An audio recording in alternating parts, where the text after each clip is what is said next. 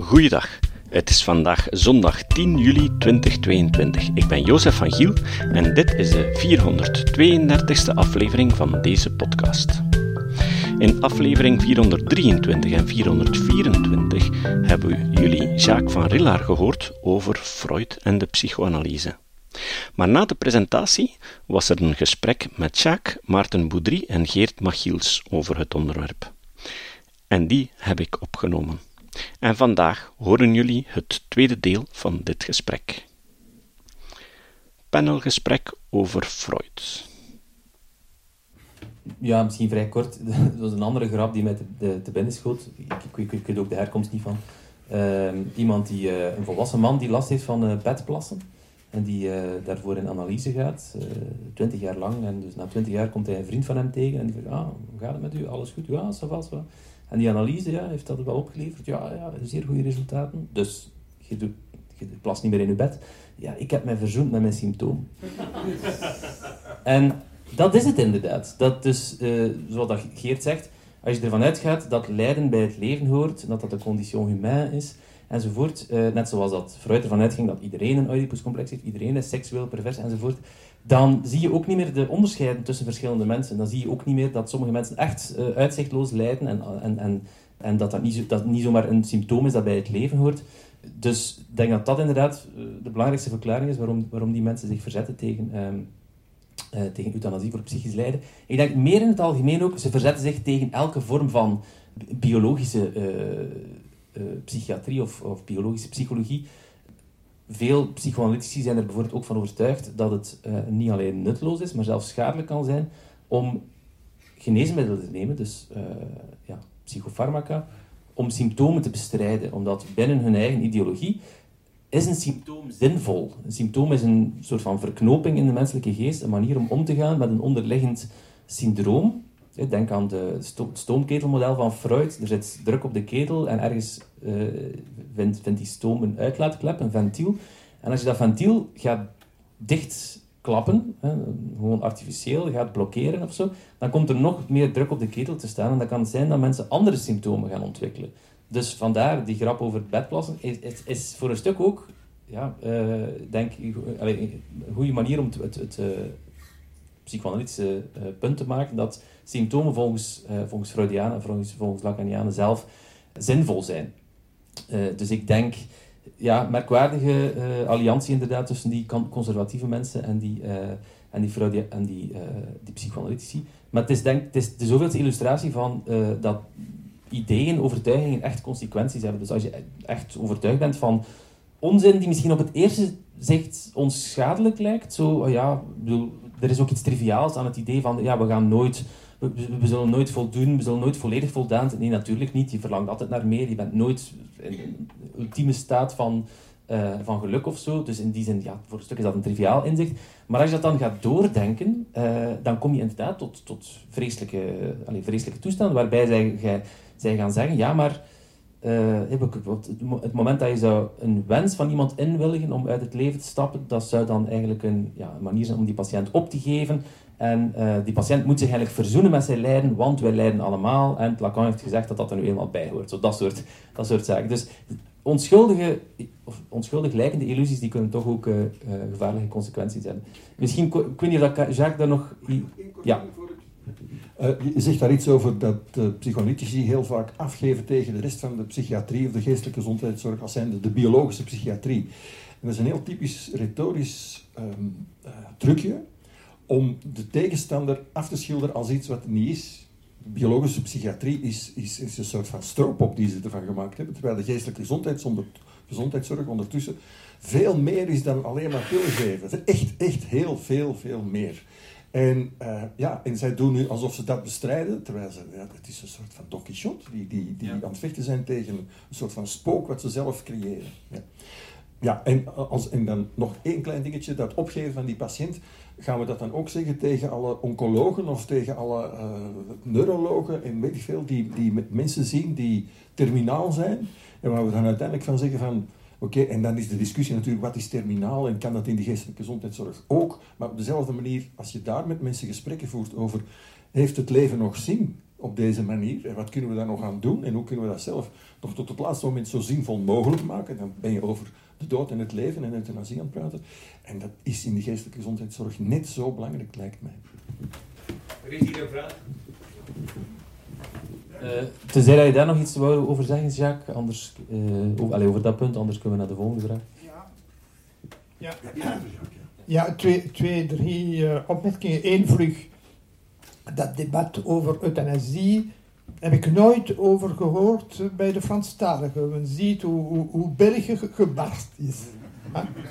Ja, het is de eerste keer dat ik daarover hoor spreken. Twee... Van uh, Ariane Bazaan bijvoorbeeld? Die, uh, was deze Franstalig? Ja, ja die, die is een tijdje in de ULB gekomen in Brussel. Nu is ze in Frankrijk. Ja. Maar ik geloof dat, dat die Ariane Bazan waarmee ik uh, enkele keer geduelleerd heb. Ze was een zeer aangename vrouw. Ja. na, na, de discussie die nogal eeuwig was, zijn wij getweend een, een, glasje gaan drinken. Dat was zeer vriendelijk. Enfin. Maar ja, ik geloof niet dat zij heel veel uh, roem had bij de Franstaligen. Ik heb praktisch nooit over haar horen spreken. Freud heeft toch euthanasie gevraagd. Hè? Dat, dat groot voorbeeld. Hij, hij, leed zo hard aan zijn mondkanker. Uh, in woorden nog over Lacan. Als je de, de, de schrift van Lacan leest, hij spreekt praktisch nooit van, van uh, techniek, van patiënten, van eigen patiënten. Wat hij doet, dat is altijd over filosofie, over Hegel, over Heidegger en, enzovoort. En hij heeft een monstrueuze uh, eruditie. Ongelooflijk. Hij citeert uh, auteurs die, die, niemand kent enzovoort. Uh, en, maar hij, hij, wat hij vertelt, help je absoluut niet als je een, een klinicus bent. Hè? Dat, dat, dat, is allemaal uh, filosofie, enfin, in de slechte zin van de.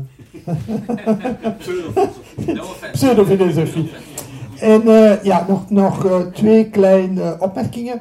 het woord castratie bijvoorbeeld. er is een van de, de, de leerlingen van Freud, Wittels, die al in de jaren twintig klaagt omdat de mensen dat woord voor alles gebruiken castratie.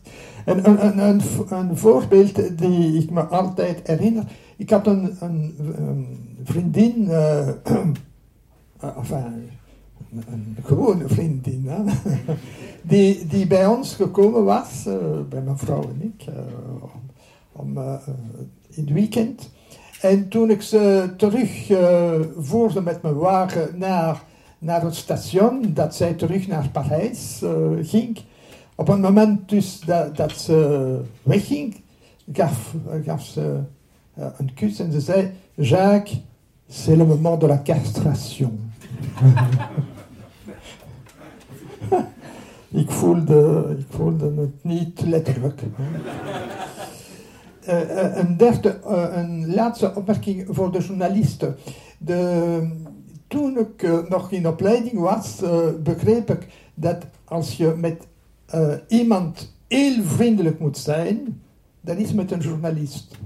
En Lacan heeft uh, een vrij voorbeeld gegeven. Er was een, een grote Franse journalist, um, dat was François Giroud, die, die, die l'Express, uh, die, die redacteur met, met een ander, die hoofdredacteur was van l'Express, een, een van de voornaamste tijdschriften in, in Frankrijk. En wanneer ze de depressief was, ze was in het zuiden van Frankrijk, is Lacan met zijn eigen sportwagen haar halen in Zuid-Frankrijk om ze terug naar Parijs te brengen en ze op zijn divan uh, te, te, leggen. Zij schreef een boekje over uh, haar analyse waarin ze schrijft ik heb altijd minstens 30 minuten gekregen in mijn sessies. Dus hoe, en, ik zelf, zelfs als gedragstherapeut, wanneer een, een journalist mij kwam interviewen, was ik al, had ik altijd tijd genoeg. Hè? En uh, het goed tapijt, uh, want ja, het is zo natuurlijk. het is dankzij de media's dat, dat de gedachten kunnen verspreiden. Hè? Er is daar een vraag. Ja. Vestigingen kwam te sprake. Je begrijpt dat een aantal verdedigingen die psychoanalytici zelf voor hun vakgebied opnemen, kadert in een soort van het reduceren van die, van cognitieve dissonantie. Dus daar kan je wel begrip voor hebben. Wat ik merkwaardig vind, uh, ik studeerde moraalwetenschap in de jaren 90 in Gent. Ik kreeg toen uh, les van Julien Kwakelbeen, televisie, een oud, een van jou in 2004. Dus dat zelfs aan een wetenschappelijke universitaire instelling, tot op vandaag schijnbaar, je hebt op feitelijk al vragen, een opvolger heeft gekend, dat er toch nog altijd ruimte is voor dat soort van wetenschappelijke onzin, die wel degelijk gevolgen kan hebben. Denk aan het hele euthanasie-debat. Dus het is niet vrijblijvend en toch wordt het op een of andere manier toch gelegitimeerd binnen een wetenschappelijk instituut. Ik vind dat zelf bijzonder merkwaardig enerzijds en anderzijds ook problematisch. Ik vroeg me ook af uh, of dat in de Franstalige wereld, de UCL bijvoorbeeld, of dat daar anders is, of net niet. Hè? Want aan, in Frankrijk is er nog een kort draagvlak voor psychoanalyse, maar misschien in, in Franstalig België is dat, is dat anders. Dat weet ik dus niet. Hè? Dus dat zijn mijn twee vragen voor uh, het panel. Ja. ja, de benoemingen de universiteit, dat, dat, is, uh, uh, dat hangt af van, uh, hoe is het, de, de commissie, hè? commissies. En natuurlijk gaat het, daarom gaat het dikwijls in dezelfde trend door. Dus als men iemand moet kiezen voor klinische psychologie, ja, diegenen die gaan beslissen wie men gaat kiezen, dat zijn analytici. En dus te kiezen. Hè? Ja, of ze nemen een gedragstherapeut, ik ga niet zeggen in welke universiteit, maar in een Franstalige universiteit, waar een collega mij vertelde, ja, uh, ze hebben een gedragstherapeut uh, aangenomen, hè? maar uh, in de curricula in de, hebben ze wel de slechtste genomen. Hè? Zodat de gedragstherapie toch geen goed beeld zou krijgen. Dus, dus uh, ja, waarom blijven de mensen zo geloven? Ik heb dikwijls uh, studenten. Uh, ik, zijn dikwijls studenten die mij gevraagd hebben, maar hoe, hoe kun je dan verklaren dat er zoveel mensen nog aan, aan, aan psychanalyse geloven? ik antwoordde hoe kun jij verklaren dat er toch 1 eh, miljard mensen denken uh, aan Mahomet en uh, eh, 1 miljard aan, aan de katholieke godsdienst en honderdduizenden nog aan heel andere godsdiensten. Dat allemaal kan lang duren. Homeopathie, dat duurt al 300 jaar enzovoort. Dus het is niet uh, bewonderlijk dat, uh, dat uh, pseudotheorieën en dat andere ideologieën voortgaan. de mensen die, die kritisch nadenken, dat is een, een ik zei dan altijd tegen de studenten, ja, diegenen die oprecht rationalisten zijn, dat is een kleine elite, waarvan ik deel. Maar ja, uh, het is... Uh... Maar je zou verwachten dat aan een universitaire instelling, aan een universiteit, ja, ja. een kleine groep van rationalisten, materialisten eventueel, dat die veel groter is. En dat die dus...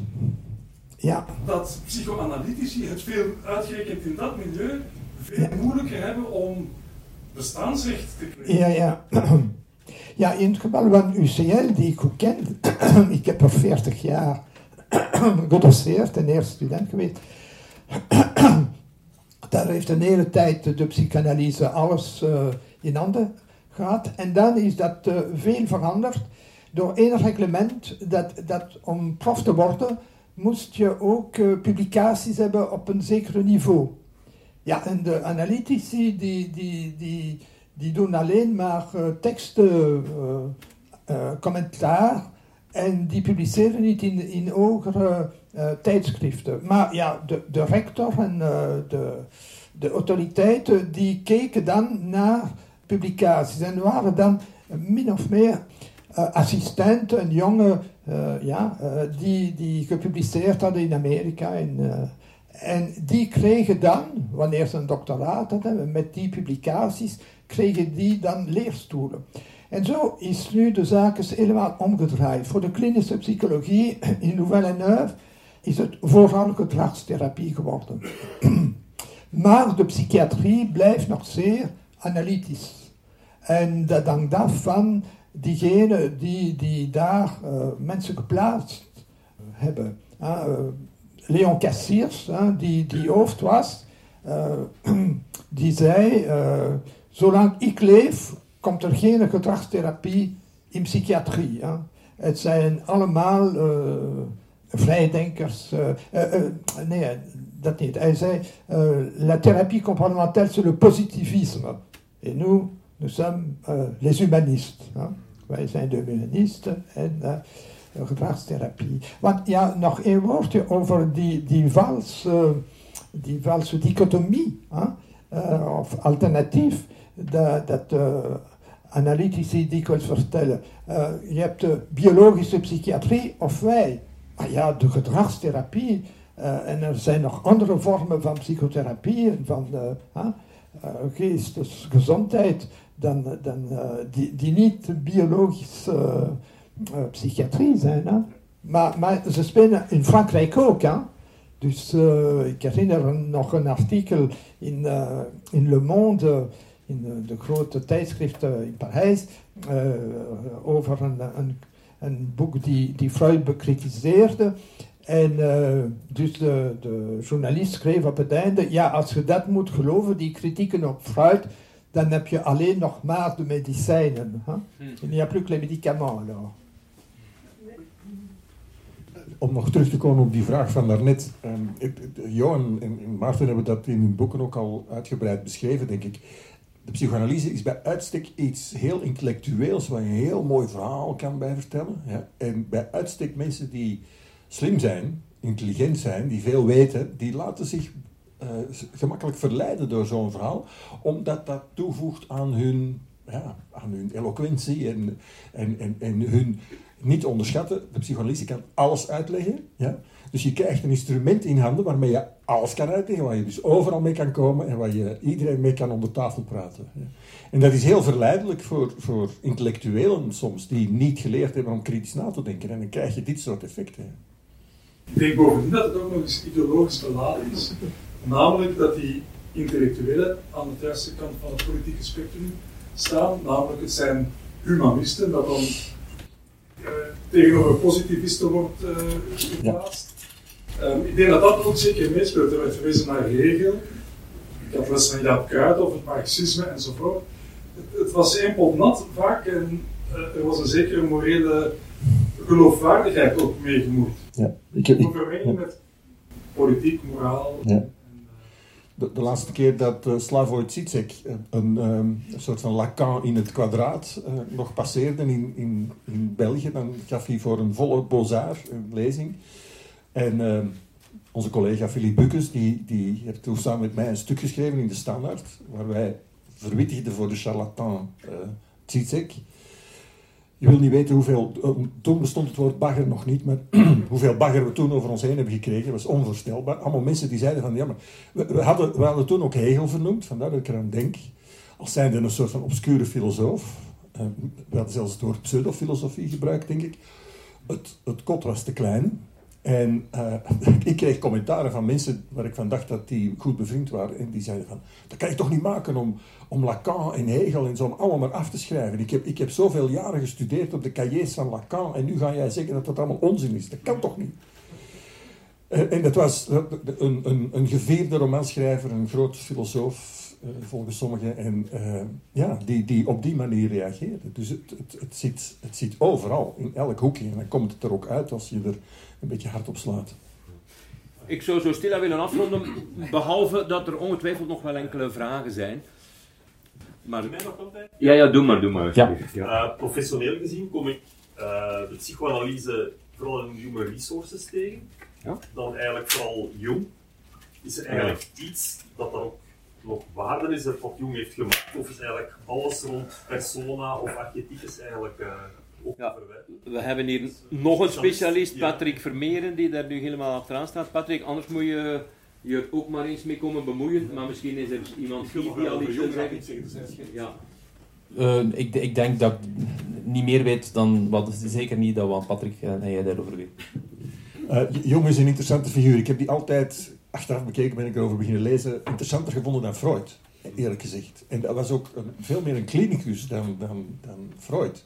Dan kreeg je ook met Freud zoveel aan bras natuurlijk. Omdat die, maar zijn, zijn hypothese over die archetypes is natuurlijk een gigantische flauwekul. En hij heeft een heleboel mensen in de beïnvloed. Rechtstreeks en onrechtstreeks blijft dat dus maar doorleven. En, en denken mensen dat dat inderdaad iets zegt over hoe wij echt in elkaar zitten. En dat is natuurlijk heel kwalijk. Maar dat is niet de enige die in natuurlijk voor een hoop uh, onzin uh, zorgt. Hè. Dat, dat, en dan moeten we inderdaad... Lees de boeken van, van uh, Patrick. Ja, en dan, ja, en, en, wil, wil jij daar iets aan toevoegen, Patrick? Well, het probleem is wanneer je start gaat, wanneer jij niet gaat, dan beginnen over te vertellen. Maar, ja, maar je start nu. Ik zal u zeggen, ik zal u zeggen wanneer je nog moet stoppen. Kijk van de theorie, dat is bizar dat mensen... Ik, ben altijd verbaasd dat mensen die naar de kern kijken, met disco, als je ziet wat voor onderdeel dat is, dat gaat over seksualiteit en over uh, boven en onder in bed liggen en dergelijke meer. Bij Jung ook heb je het over die drie dingen. Uh, er zijn archetypes in een parallel universum, waar je door paranormale processen toegang toe hebt. En toeval bestaat niet, dus alles is synchroon, is synchroniciteit. Als je alleen al die vier theoretische basisherkomstpunten neemt, dan zijn je toch ver, verbaasd dat mensen dat kunnen geloven. Um, en dan ook een keer die, die toepassing ervan, een van de populairste is MBTI, die wijken er dan ook nog een keer vanaf, uh, van, van zijn theorie, um, en, en, ook empirisch, uh, en, en, nog naar uh, de opbouw van de vragenlijsten zijn eigenlijk is niet één probleem. De theorie is een probleem, de empirie is een probleem, de vragenlijsten zijn en dan denk ik dat, ik heb een boek van Rolf uh, Zwaan, een cognitieve psycholoog die onderzoek doet naar, uh, uh, um, naar de, verhalen die mensen vertellen. En ik denk dat inderdaad, zoals, net zoals bij psychoanalyse, die man hebben een fantastisch verhaal. Het, het, geeft mensen het idee dat ze het kunnen verklaren, maar ook dat ze een beetje controle krijgen over hun leven. Want en, ja, een verhaal is gemakkelijker te begrijpen dan dat je door genetische combinaties kan proberen. Laat staan, laat staan dat je moet uitleggen dat toeval echt bestaat. Want dat is natuurlijk van, een van de, de, de ergste erfenissen van Jong, is dat toeval niet bestaat of zou bestaan. En dan krijg je natuurlijk mensen die overal gaan betekenis achterzoeken, die er niet zijn. En dan kom je weer op het gebied van kritisch denken, waar je ziet dat mensen patronen zoeken en vinden natuurlijk ook waar ze niet zijn. Joris heeft nog een vraag, misschien niet van de laatste. Wat ik wel leuk vind is, wat, uh, we weten wat we niet moeten onthouden. Uh, wat zouden we mogen of best wel onthouden als we dan toch nog bij mensen komen, die bijvoorbeeld met Freud of Jung of die het ook mogen weten, die in een analytische school zitten of wat dan ook, dan kunnen we iets meenemen wat we zeggen, ja oké, daar kunnen we nog wat mee, want dan kun je een waarderend woord over zeggen, maar tegelijkertijd kan je ook wel argumenten hebben dan, die hebben wat woord waar we het eigenlijk niet durven. Dat is wel belangrijk, denk ik. Zeker in een, uh, in een publiek discours waar je ook vaak een uh, publieke opinie hebt met dan grote groepen en lastige tegenstanders enzovoort. Uh, als het aan de tafel is en er staat lekker eten op tafel en goede wijn, laat dan die avond niet verknoeien en, begin, en begin vragen te stellen. Ja? Als ze weten dat je van skip bent of zo, dan krijg je denk, oh ben jij van skip? Oeh, dan zal je wel tegen zijn. En dan begin je gewoon vragen En je laat hen zichzelf een beetje in, de, in de modder vastrijden, zonder dat je dat benoemt. Uh, maar je blijft heel vriendelijk en dat is het beste dat je kan doen. Als het publiek is, dan, dan kom je ze dus niet tegen, zoals ik al zei. Dan, dan, dan, dan komen ze nooit mee hier aan, uh, aan die tafeltje zitten. Dus daar moet je geen schrik van hebben. En voor de rest zijn natuurlijk dezelfde trucs die je moet gebruiken, of trucs, of strategieën die je zou gebruiken als je met mensen die in homeopathie geloven, of die antivax zijn, of die al dat soort van dingen, dat, is, dat, het vergt enige oefening om met die mensen um, door dezelfde deur te blijven kunnen. Ja, ik, ik ga heel even, heel een bedenking maken ook. Ik vind dat daar soms wel iets, iets een cynisch kantje aan hangt. Kijk, ik ken wel mensen die in psychoanalyse niet echt geloven, als ik het zo mag zeggen. Ze kennen de kritieken en ze zijn het met de kritieken eens. Maar het is een manier van werken voor hen. bijvoorbeeld, je kunt daarmee kunst analyseren, een film analyseren enzovoort. Je kunt je studenten bijvoorbeeld opdrachten geven om een roman vanuit uh, psychoanalyse oogpunt te analyseren. Maar, maar ze staan er zelf eigenlijk niet, niet echt achter. Zoals een arts die helemaal niet in homeopathie gelooft, maar die dat toch voorschrijft, uh, apothekers verkopen dat en zo. En soms met een excuus, zoals ja, ze nemen dan tenminste geen antibiotica of zo, want uh, dat heeft alleen maar neveneffecten. Ik, ik vind dat daar een cynisch kantje aan hangt. Dat is misschien niet uw punt, Joris, maar ik wou het gewoon even uh, eraan toevoegen. Ik, ik vind het wel een goede vraag, om, omdat je inderdaad, mm, om een beetje krediet op te bouwen bij, bij sommige mensen die misschien geen uitgesproken mening hebben over de psychoanalyse, kan het altijd goed uitkomen als je dan toch iets positiefs kan zeggen of zo. Uh, en wat ik zelf wel vaak doe, um, als het over Freud gaat, en daar maak ik wel een heel duidelijk onderscheid met Lacan. Freud kon schrijven, dat is, dat is, al, dat is alleen iets. Hij was inderdaad ja, erudiet enzovoort, hij was intelligent, dat, dat, dat staat uh, buiten kijf. Maar hij heeft ook een aantal zaken geschreven, vooral dan eigenlijk losse teksten die een beetje losstaan van zijn psychoanalytische uiveren, waar hij ook zelf toegeeft van, ik ga nu even de doctrine achterwege laten, maar gewoon een aantal beschouwingen over de maatschappij bijvoorbeeld zijn essay over de toekomst van een illusie, eh, het omhagen van een cultuur. Daar staan op zich wel interessante dingen in. Bijvoorbeeld over de teleurgang van religie. Freud was inderdaad, ja, het was een soort van positivist, maar tegelijkertijd ook een, iemand die natuurlijk oude mythes en, en irrationalisme heeft uh, terug uh, ja, tot leven gewekt. Maar zijn retoriek was, heel, was, was veel meer dan vandaag de retoriek van het positivisme, van de, voortgang van wetenschappen die uiteindelijk komaf zal maken met allerlei vormen van religie en, uh, en, irrationalisme. Dus ik heb bijvoorbeeld in mijn boek over illusies, illusies voor gevorderden, heb ik Freud zelfs geciteerd, in, in een positieve context zelfs. Maar op zich, het het, is, het is wel niet toevallig dat dat de teksten zijn waar hij eigenlijk nauwelijks iets psychoanalytisch zegt. Het gaat niet over het onbewuste, het gaat niet over het Oedipuscomplex enzovoort. Uh, maar, maar wat hij dan wel werd, dat dat op zich iemand was die, als hij niet volledig op een dwaalspoor was terechtgekomen en in de verleiding is gekomen om ook fraude te plegen en om te gaan liegen en om zichzelf steeds verder in te graven, kon dat best wel iemand zijn die interessante dingen had verteld. Over Lacan, spijtig genoeg, kan ik moet heel hard zoeken of zo, maar met de beste wil van de wereld kan ik daar absoluut niks... Maar, maar ik, ik gebruik Lacan soms een beetje als een, uh, iets, uh, ja, om, om het contrast met, met Freud wat beter in de ver te zetten. Dan, dan, ik zeg dan vaak via Lacan dan toch misschien iets positiefs over Freud. Namelijk, Freud kon wel helder schrijven en, en fraaie zinnen ook. Lacan was gewoon echt pure charlatan, die, die alleen maar... Ja, die zich moest obscurantistisch uitdrukken omdat hij helemaal niks te zeggen had. Willen we het laatste woord aan Jacques ja, ja. ja. dus uh, over uh, het boekje. Soms, uh, wanneer men vraagt, ja, is er dan toch nog een boek te lezen van Freud? Ja, dan zeg ik, ja, Die Zukunft einer Illusion. Ja. Het boek over godsdienst. Maar ik voeg er dan aan bij, lees goed wat Freud zegt. Hij zegt, ik heb niet veel meer te zeggen dan een grote voorgangers. Het is geciteerd in het uh, Vlaams boekje. En uh, Freud had Nietzsche gelezen, hij had een hele, de andere die, die over christianisme, Feuerbach enzovoort. Die, dat allemaal had hij gelezen. En de, de ideeën die in zijn boekje komen, die zijn niet nieuw. Hij zegt het zelf. Hè? Hoewel hij toch uh, zijn Oedipus-complex daar in dat boekje komt toch terug. Ja. Hij zegt, ja, ja, het is, uh, we hebben een vader nodig en, uh, en ook de moeder enzovoort. ja. Maar ja, ik geloof wat de, de, de mens, van als hij klein is, heeft het absoluut nodig om te geloven, om in, in leven te blijven. Ah, als je niet gelooft in wat je ouders vertellen, ja, dat is zeer gevaarlijk. Ja? Je zegt, uh, ik ga mijn eigen ondervinding uh, maken wanneer ik een, een slang zie of die zijn er wat.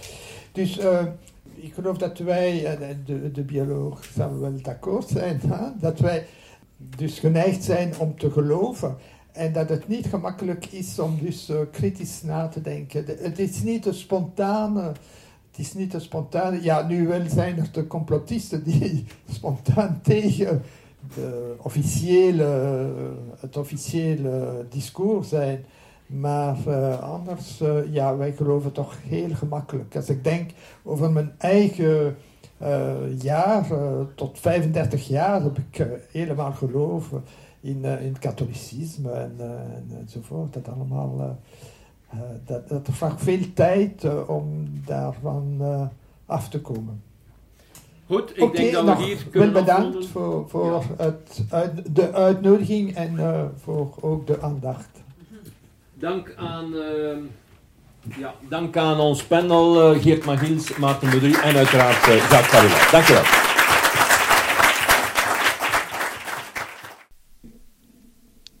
Het eindwerk van Maarten, waarnaar verwezen wordt, heb ik jaren geleden ingesproken en jullie kunnen die vinden op mijn website. Een link staat in de notitiepagina van deze aflevering. Het citaat. Het citaat van vandaag komt van Etienne Vermeers. Vermeers zei: Mensen die in astrologie geloven, je zou ze onmiddellijk 30 punten IQ moeten aftrekken. Tot de volgende keer. Dit was de podcast Kritisch Denken. Vergeet niet om alles kritisch te behandelen, ook deze podcast.